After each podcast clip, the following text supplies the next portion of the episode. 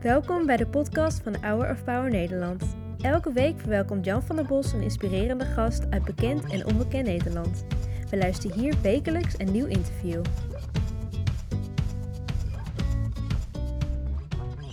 Je bent uh, directeur van de Stichting voor het Gehandicapte Kind. Dat heeft een reden. Neem ons eens mee naar de geboorte van Joas, als je wilt. Ja, dat was uh, een heftig begin. Wij hadden eigenlijk een, vrij uh, probleemloze uh, zwangerschap. eerste, eerste kindje, dus je bent vol verwachting, zoals dat gaat. En op zich een gewone bevalling, met alle heftigheid die daarin zit. En alleen op het moment dat mijn zoon Joas daar was, waar je normaal gesproken de, de, de navelstreng mag doorknippen, zei de verloskundige tegen mij, bel 112. En zij was op dat moment aan het reanimeren. En ik moest dus de ambulance bellen en tien minuten later zat ik met dat hele kleine babytje in de ambulance. Mijn vrouw bleef achter. We wisten dus dat hij niet ging ademen. En we kwamen in het ziekenhuis en ze zeiden eigenlijk vrij snel tegen ons: hij ziet er wel een beetje bijzonder uit. En wij dachten, ja, het is gewoon een prachtig ventje. Ja. Dat, is ons, dat, is ons, kind. Maar hij, hij, kreeg eigenlijk zo door de tijd heen steeds meer problemen. Dus wij hadden eigenlijk gehoopt na het eerste weekend dat we hem mee naar huis mochten nemen. Maar hij ging niet goed eten, ademhaling ging niet goed, zijn hart stopte er af en toe mee. Um, en uiteindelijk heeft dat vier weken geduurd. En eigenlijk ook daarna, toen we weer thuis kwamen, waren we vrij snel weer terug in het ziekenhuis. En probleem op probleem op probleem. En toen zeiden ze eigenlijk in het ziekenhuis ook al: we denken dat er een sprake is van een syndroom. We weten alleen niet welk syndroom. En dan gaat er eigenlijk een hele ja, medische molen gaat draaien om achter dat syndroom te komen. En pas na een half jaar kregen we het, wat dachten we even, een soort verlossende antwoord: het Marshall-Smith-syndroom.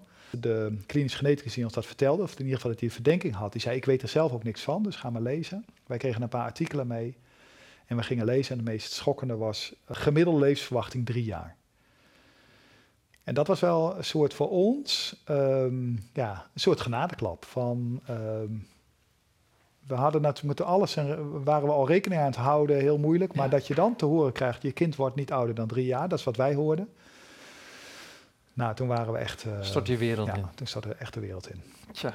Daarvoor waren we hoopvol uh, eigenlijk wel van, nou, we gaan dit, uh, hij is welkom, ook al heeft hij een handicap. En, uh, maar op dat moment dachten we, ja, we hebben dit kind dus gekregen om het ook heel snel weer te moeten teruggeven. En dat was, nou, dat was een hele heftige periode. Ik maak even een sprong. Ik heb de laatste tijd artikelen gelezen dat als ouders een zwaar gehandicapt kind hebben, dat ook vaak in de relatie niet meer lukt. Een gehandicapt kind, dat is heel heftig voor de relatie. En dat hebben wij nou ook alles ervaren. Wij waren eigenlijk, zou je kunnen zeggen, in diepe rouw, uh, uh, moe, boos. Dat zijn dingen die in een relatie uh, natuurlijk heel heftig zijn. Je hebt allebei je eigen ja. proces en traject. En we zijn er, kan ik nu zeggen, doorheen gekomen. Ehm, ik durf wel te zeggen van onze relatie er ook echt heel sterk door is geworden. Maar het is echt heel moeilijk geweest, ook voor ons beiden. Je kunt begrijpen als je ouders over de vloer hebt die zeggen, joh, we redden het niet. Ja, ja. en ik hoor nog wel eens ouders, ook na vele jaren, die zeggen van, kwam er laatst nog geen tegen, die zei, ja, we, zijn, we hebben er niet gered. Nee. En ik, dat begrijp ik. Zei boos, boos op God ook? Heel erg boos. Heel ja. erg boos. Ja, ik was heel boos. Ja, we waren allebei heel boos. Met alles wat daarbij hoort, dat je ook weet dat God niet alleen maar mooie dingen geeft, maar ook minder mooie dingen. Daar hadden we echt wel alles van meegekregen, maar als dit over je heen komt, dit alles. En wij, wij hielden voor, het voor ons gevoel ook bijna niet meer vol. Wij dachten, en, en we hebben het ook, nou, we waren gewoon boos, we hebben het uitgeschreeuwd. Um, Wat van, schreeuw je dan naar God? Ja, uh, ja waarom? Waarom, waarom uh, moet dit gebeuren? En waarom vragen, en, maar ook help. Um, wij waren zo ontzettend moe, nacht na nacht. En we, aan het begin van de nacht baden wij van God mag het alsjeblieft een, een, een help ons om deze nacht door te komen. En het was verschrikkelijk. Ja. Nou ja, wat, wat is het als de hemel van koper lijkt? Ja, dat is, echt, dat is een hele moeilijke fase in ieder geval geweest in wat je dan van God verwacht. Daar hebben, daar hebben wij um, ons persoonlijk, maar ook samen, een enorme strijd over gehad. Wat verwacht je ja. dan van God? Uiteindelijk waren wij ongelooflijk verdrietig en heeft God ons in ieder geval troost geboden. En um, tot op de dag van vandaag hebben we heel weinig antwoorden gekregen. Uh, ja. En hij heeft andere maar dingen wel gegeven. Je verdriet in een stukje vreugde kunnen veranderen? Zeker, want de, de, de, de, het, uh, onze zoon is, uh, zou je kunnen zeggen, in die zin betrokken bij ons grootste ja. verdriet. Maar is ook, nou, ik heb twee zoons, ik maak geen onderscheid, maar hij heeft ons ook hele grote vreugde gegeven. Ja. En tot op de dag van vandaag. Ja, ik wil even teruggaan naar 2009. Dan is er een internationale conferentie in Nederland. Vertel even wat daar gebeurde. Ja, wij hebben uh, ook wel, omdat er zo weinig informatie was over het Marshall-Smith-syndroom en we wilden daar iets mee, hebben we, uh, zijn we de initiatief gestart om daar meer over te weten te komen. En op een gegeven moment hebben we dus gezegd, we, uh, we hebben ouders gevonden wereldwijd via het internet. En kunnen we ze naar Nederland halen? En in 2009 is dat gelukt. Dus zes gezinnen van over heel de wereld naar Nederland kunnen halen. En daar hebben we samen en met de artsen die er zich mee bezig al hielden, een professor, uh, een ontmoeting gehad, een weekend lang. Heel bijzonder. Ja. En hoe is het met Joas? Nou, die is nu zat, maar hij heeft zich heel, heeft heel goed gedaan, hè? Hij heeft een beetje fel licht, hè? Hi. Fijn dat jullie er zijn. Ja. Hey. We hebben wat langer over gedaan. Ja, dat jullie stonden in de file. Hi, I'm Judy, this is Lindsay. Het spannendste moment is de ontmoeting met Lindsay, 29 jaar, uit de Verenigde Staten. Voor zover nu bekend het oudste patiëntje ter wereld. Tot kort geleden hadden Henk Willem en Lisbeth geen idee dat kinderen met het Marshall-Smith-syndroom zo oud konden worden. Kelly, Alex, oh, Ella. And this is Ella. Ella. I saw you on the picture. Yeah, that's. Maar hey Nina. Hey. Hij komt er zo aan. Dat is het oudste meisje uit Nederland. Zij is uh, nu uh, 13. Uh, zij staat nu tegenover ook het oudste meisje uit Amerika. En die, zij is zelfs 29. ja. Dat is wel heel erg echt heel erg bijzonder voor ons om, ja. om te zien. Dus, maar ik ben heel erg benieuwd ook van hoe doet ze het? Wat, wat, wat, wat heeft zij allemaal meegemaakt? Heb nu al een goed gevoel. Ja. en het moet nog beginnen. Het is toch wel aangrijpend als je al die kinderen ziet. Ja, dat was echt een heel bijzonder moment. Ja. En het was voor ons heel bijzonder omdat wij leefden met die verwachting van drie jaar en daar een meisje zagen van 27. Ja. Andersom was het voor die andere ouders de moeder van het meisje van 27, die had jarenlang gezocht. Nou, is er ook een ander uh, kind, uh, ja. zijn er ook andere ouders? En na zoveel jaren kwamen we elkaar daar tegen. We hadden zoveel met elkaar te delen. En ook zoveel, dat is dus pijn en vreugde die je dan met elkaar uh, deelt. Ja, dat is best wel confronterend als je Joas ziet. Ja, ja. Nee, dat is zeker. Hoe, zien wij hoe, dat ook voor de... Zie jij dat nog of kijk Wij je... zien dat niet. Nee, nee dat, dat, zien wij. Wij zien het in de blik van anderen. Ja. Um, het is voor mij mijn zoon en, en het is een inmiddels 16-jarige zoon die ja. het nog heerlijk vindt om geknuffeld ja. te worden. En um, ik zie het niet, maar ik zie het aan de buitenwereld. Voor jou is uh, het Bijbelse verhaal van wat voor velen onbegrijpelijk is, het offer wat God vraagt aan Abraham, zijn zoon Isaac, te offeren. Ja, dat is zeker in die periode die we net ook bespraken van die grote vraag van wat doet God, waarom doet hij dit? Was dat verhaal van Abraham, vond ik het echt zo'n ontzettend aangrijpend verhaal. Um, en, en tegelijkertijd heeft dat ook wel een verandering gebracht in hoe ik er tegenaan ben gaan kijken. Want het is een, het gaat het, het verhaal van God die vraagt aan Abraham, offer je zoon, Isaac, je, je enige zoon, die ook nog beloofd is, um, uh, offer het. Abraham zegt ja in vol vertrouwen. Die zegt ook tegen Isaac van, God gaat het wel, gaat het wel oplossen. Um, en God vraagt hem dat en uiteindelijk legt hij ook zijn zoon op dat, uh, op dat offer. Het is, het is een bizar verhaal, ook als je het in de huidige ja. tijd. Dus even, ik moet daar nog altijd wel weer overheen kijken dat je denkt, wat, wat is dit? Maar uh, ik ben me gaan realiseren dat er geen grotere vertrouwensvraag is dan deze. Durf je te vertrouwen?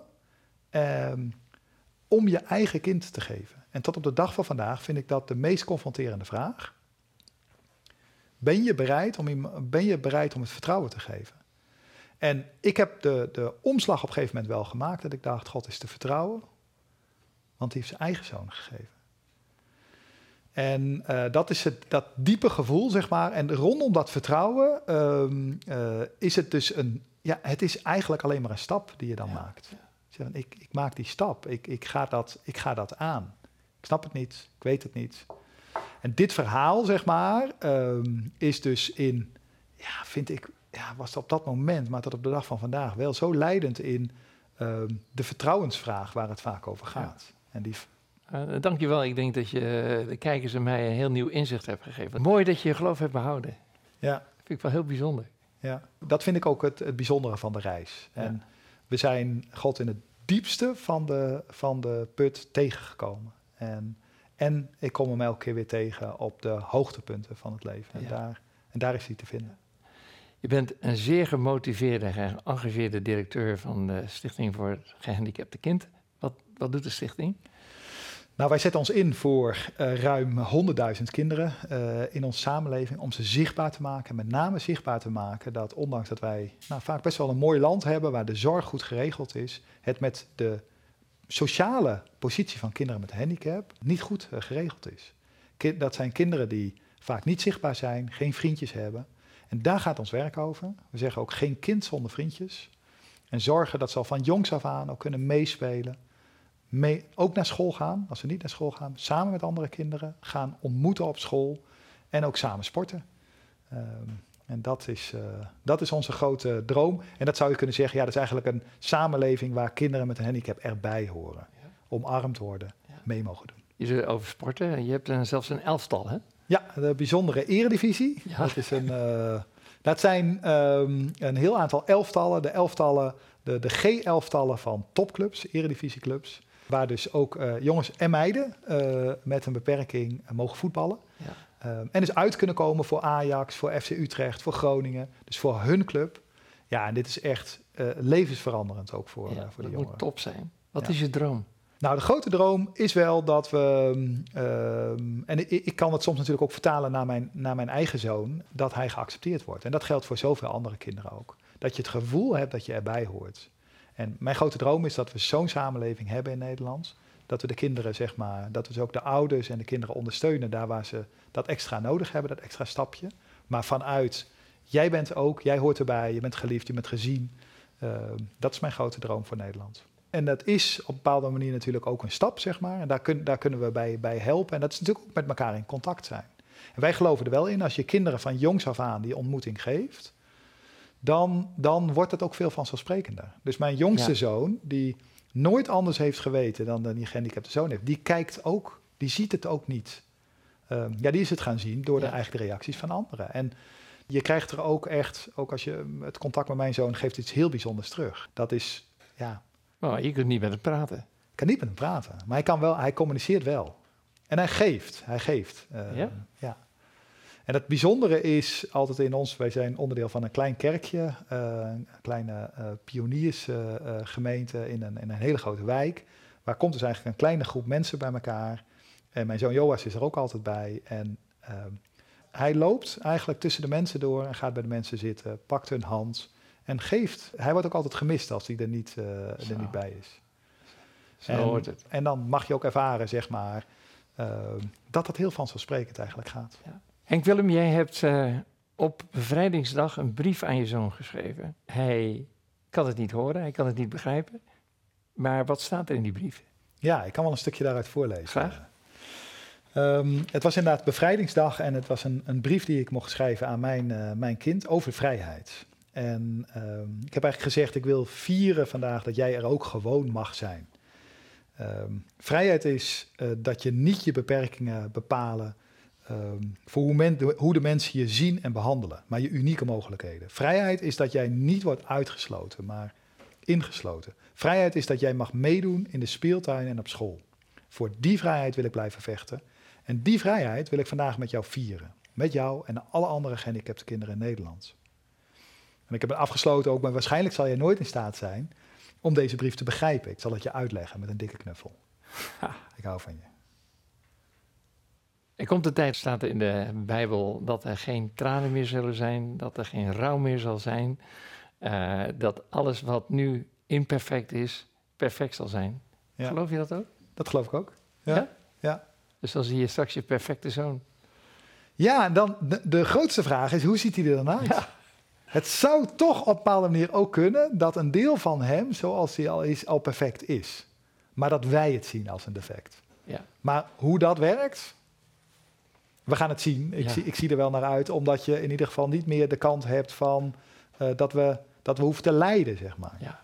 Uh, in ieder geval niet dat we verdriet hoeven te hebben, dat we, dat we geen gemis hebben. Dus uh, ik geloof ook echt in, in die begrippen, zeg maar. En dat we nu in het huidige leven daar al soms een voorschot op mogen krijgen en mogen zien en samen daaraan mogen bouwen. Ja. Ik wil je heel hartelijk danken voor je verhaal en ook voor je liefde voor het gehandicapte kind en ook hoe jij met je zoon omgaat en uh, met uh, zoveel liefde over hem spreekt. Dankjewel. Prachtig voorbeeld, dankjewel. Ik laat je niet met lege handen weggaan. Ik denk dat jij wel duidelijk hebt gemaakt wat uh, het thema is van dit nieuwe boek. Het is een boek van Bobby Schuller. Die is net op tournee geweest, een paar weken geleden in Nederland. Het thema was Houd moed, geloven in onzekere tijden. We leven in onzekere tijden.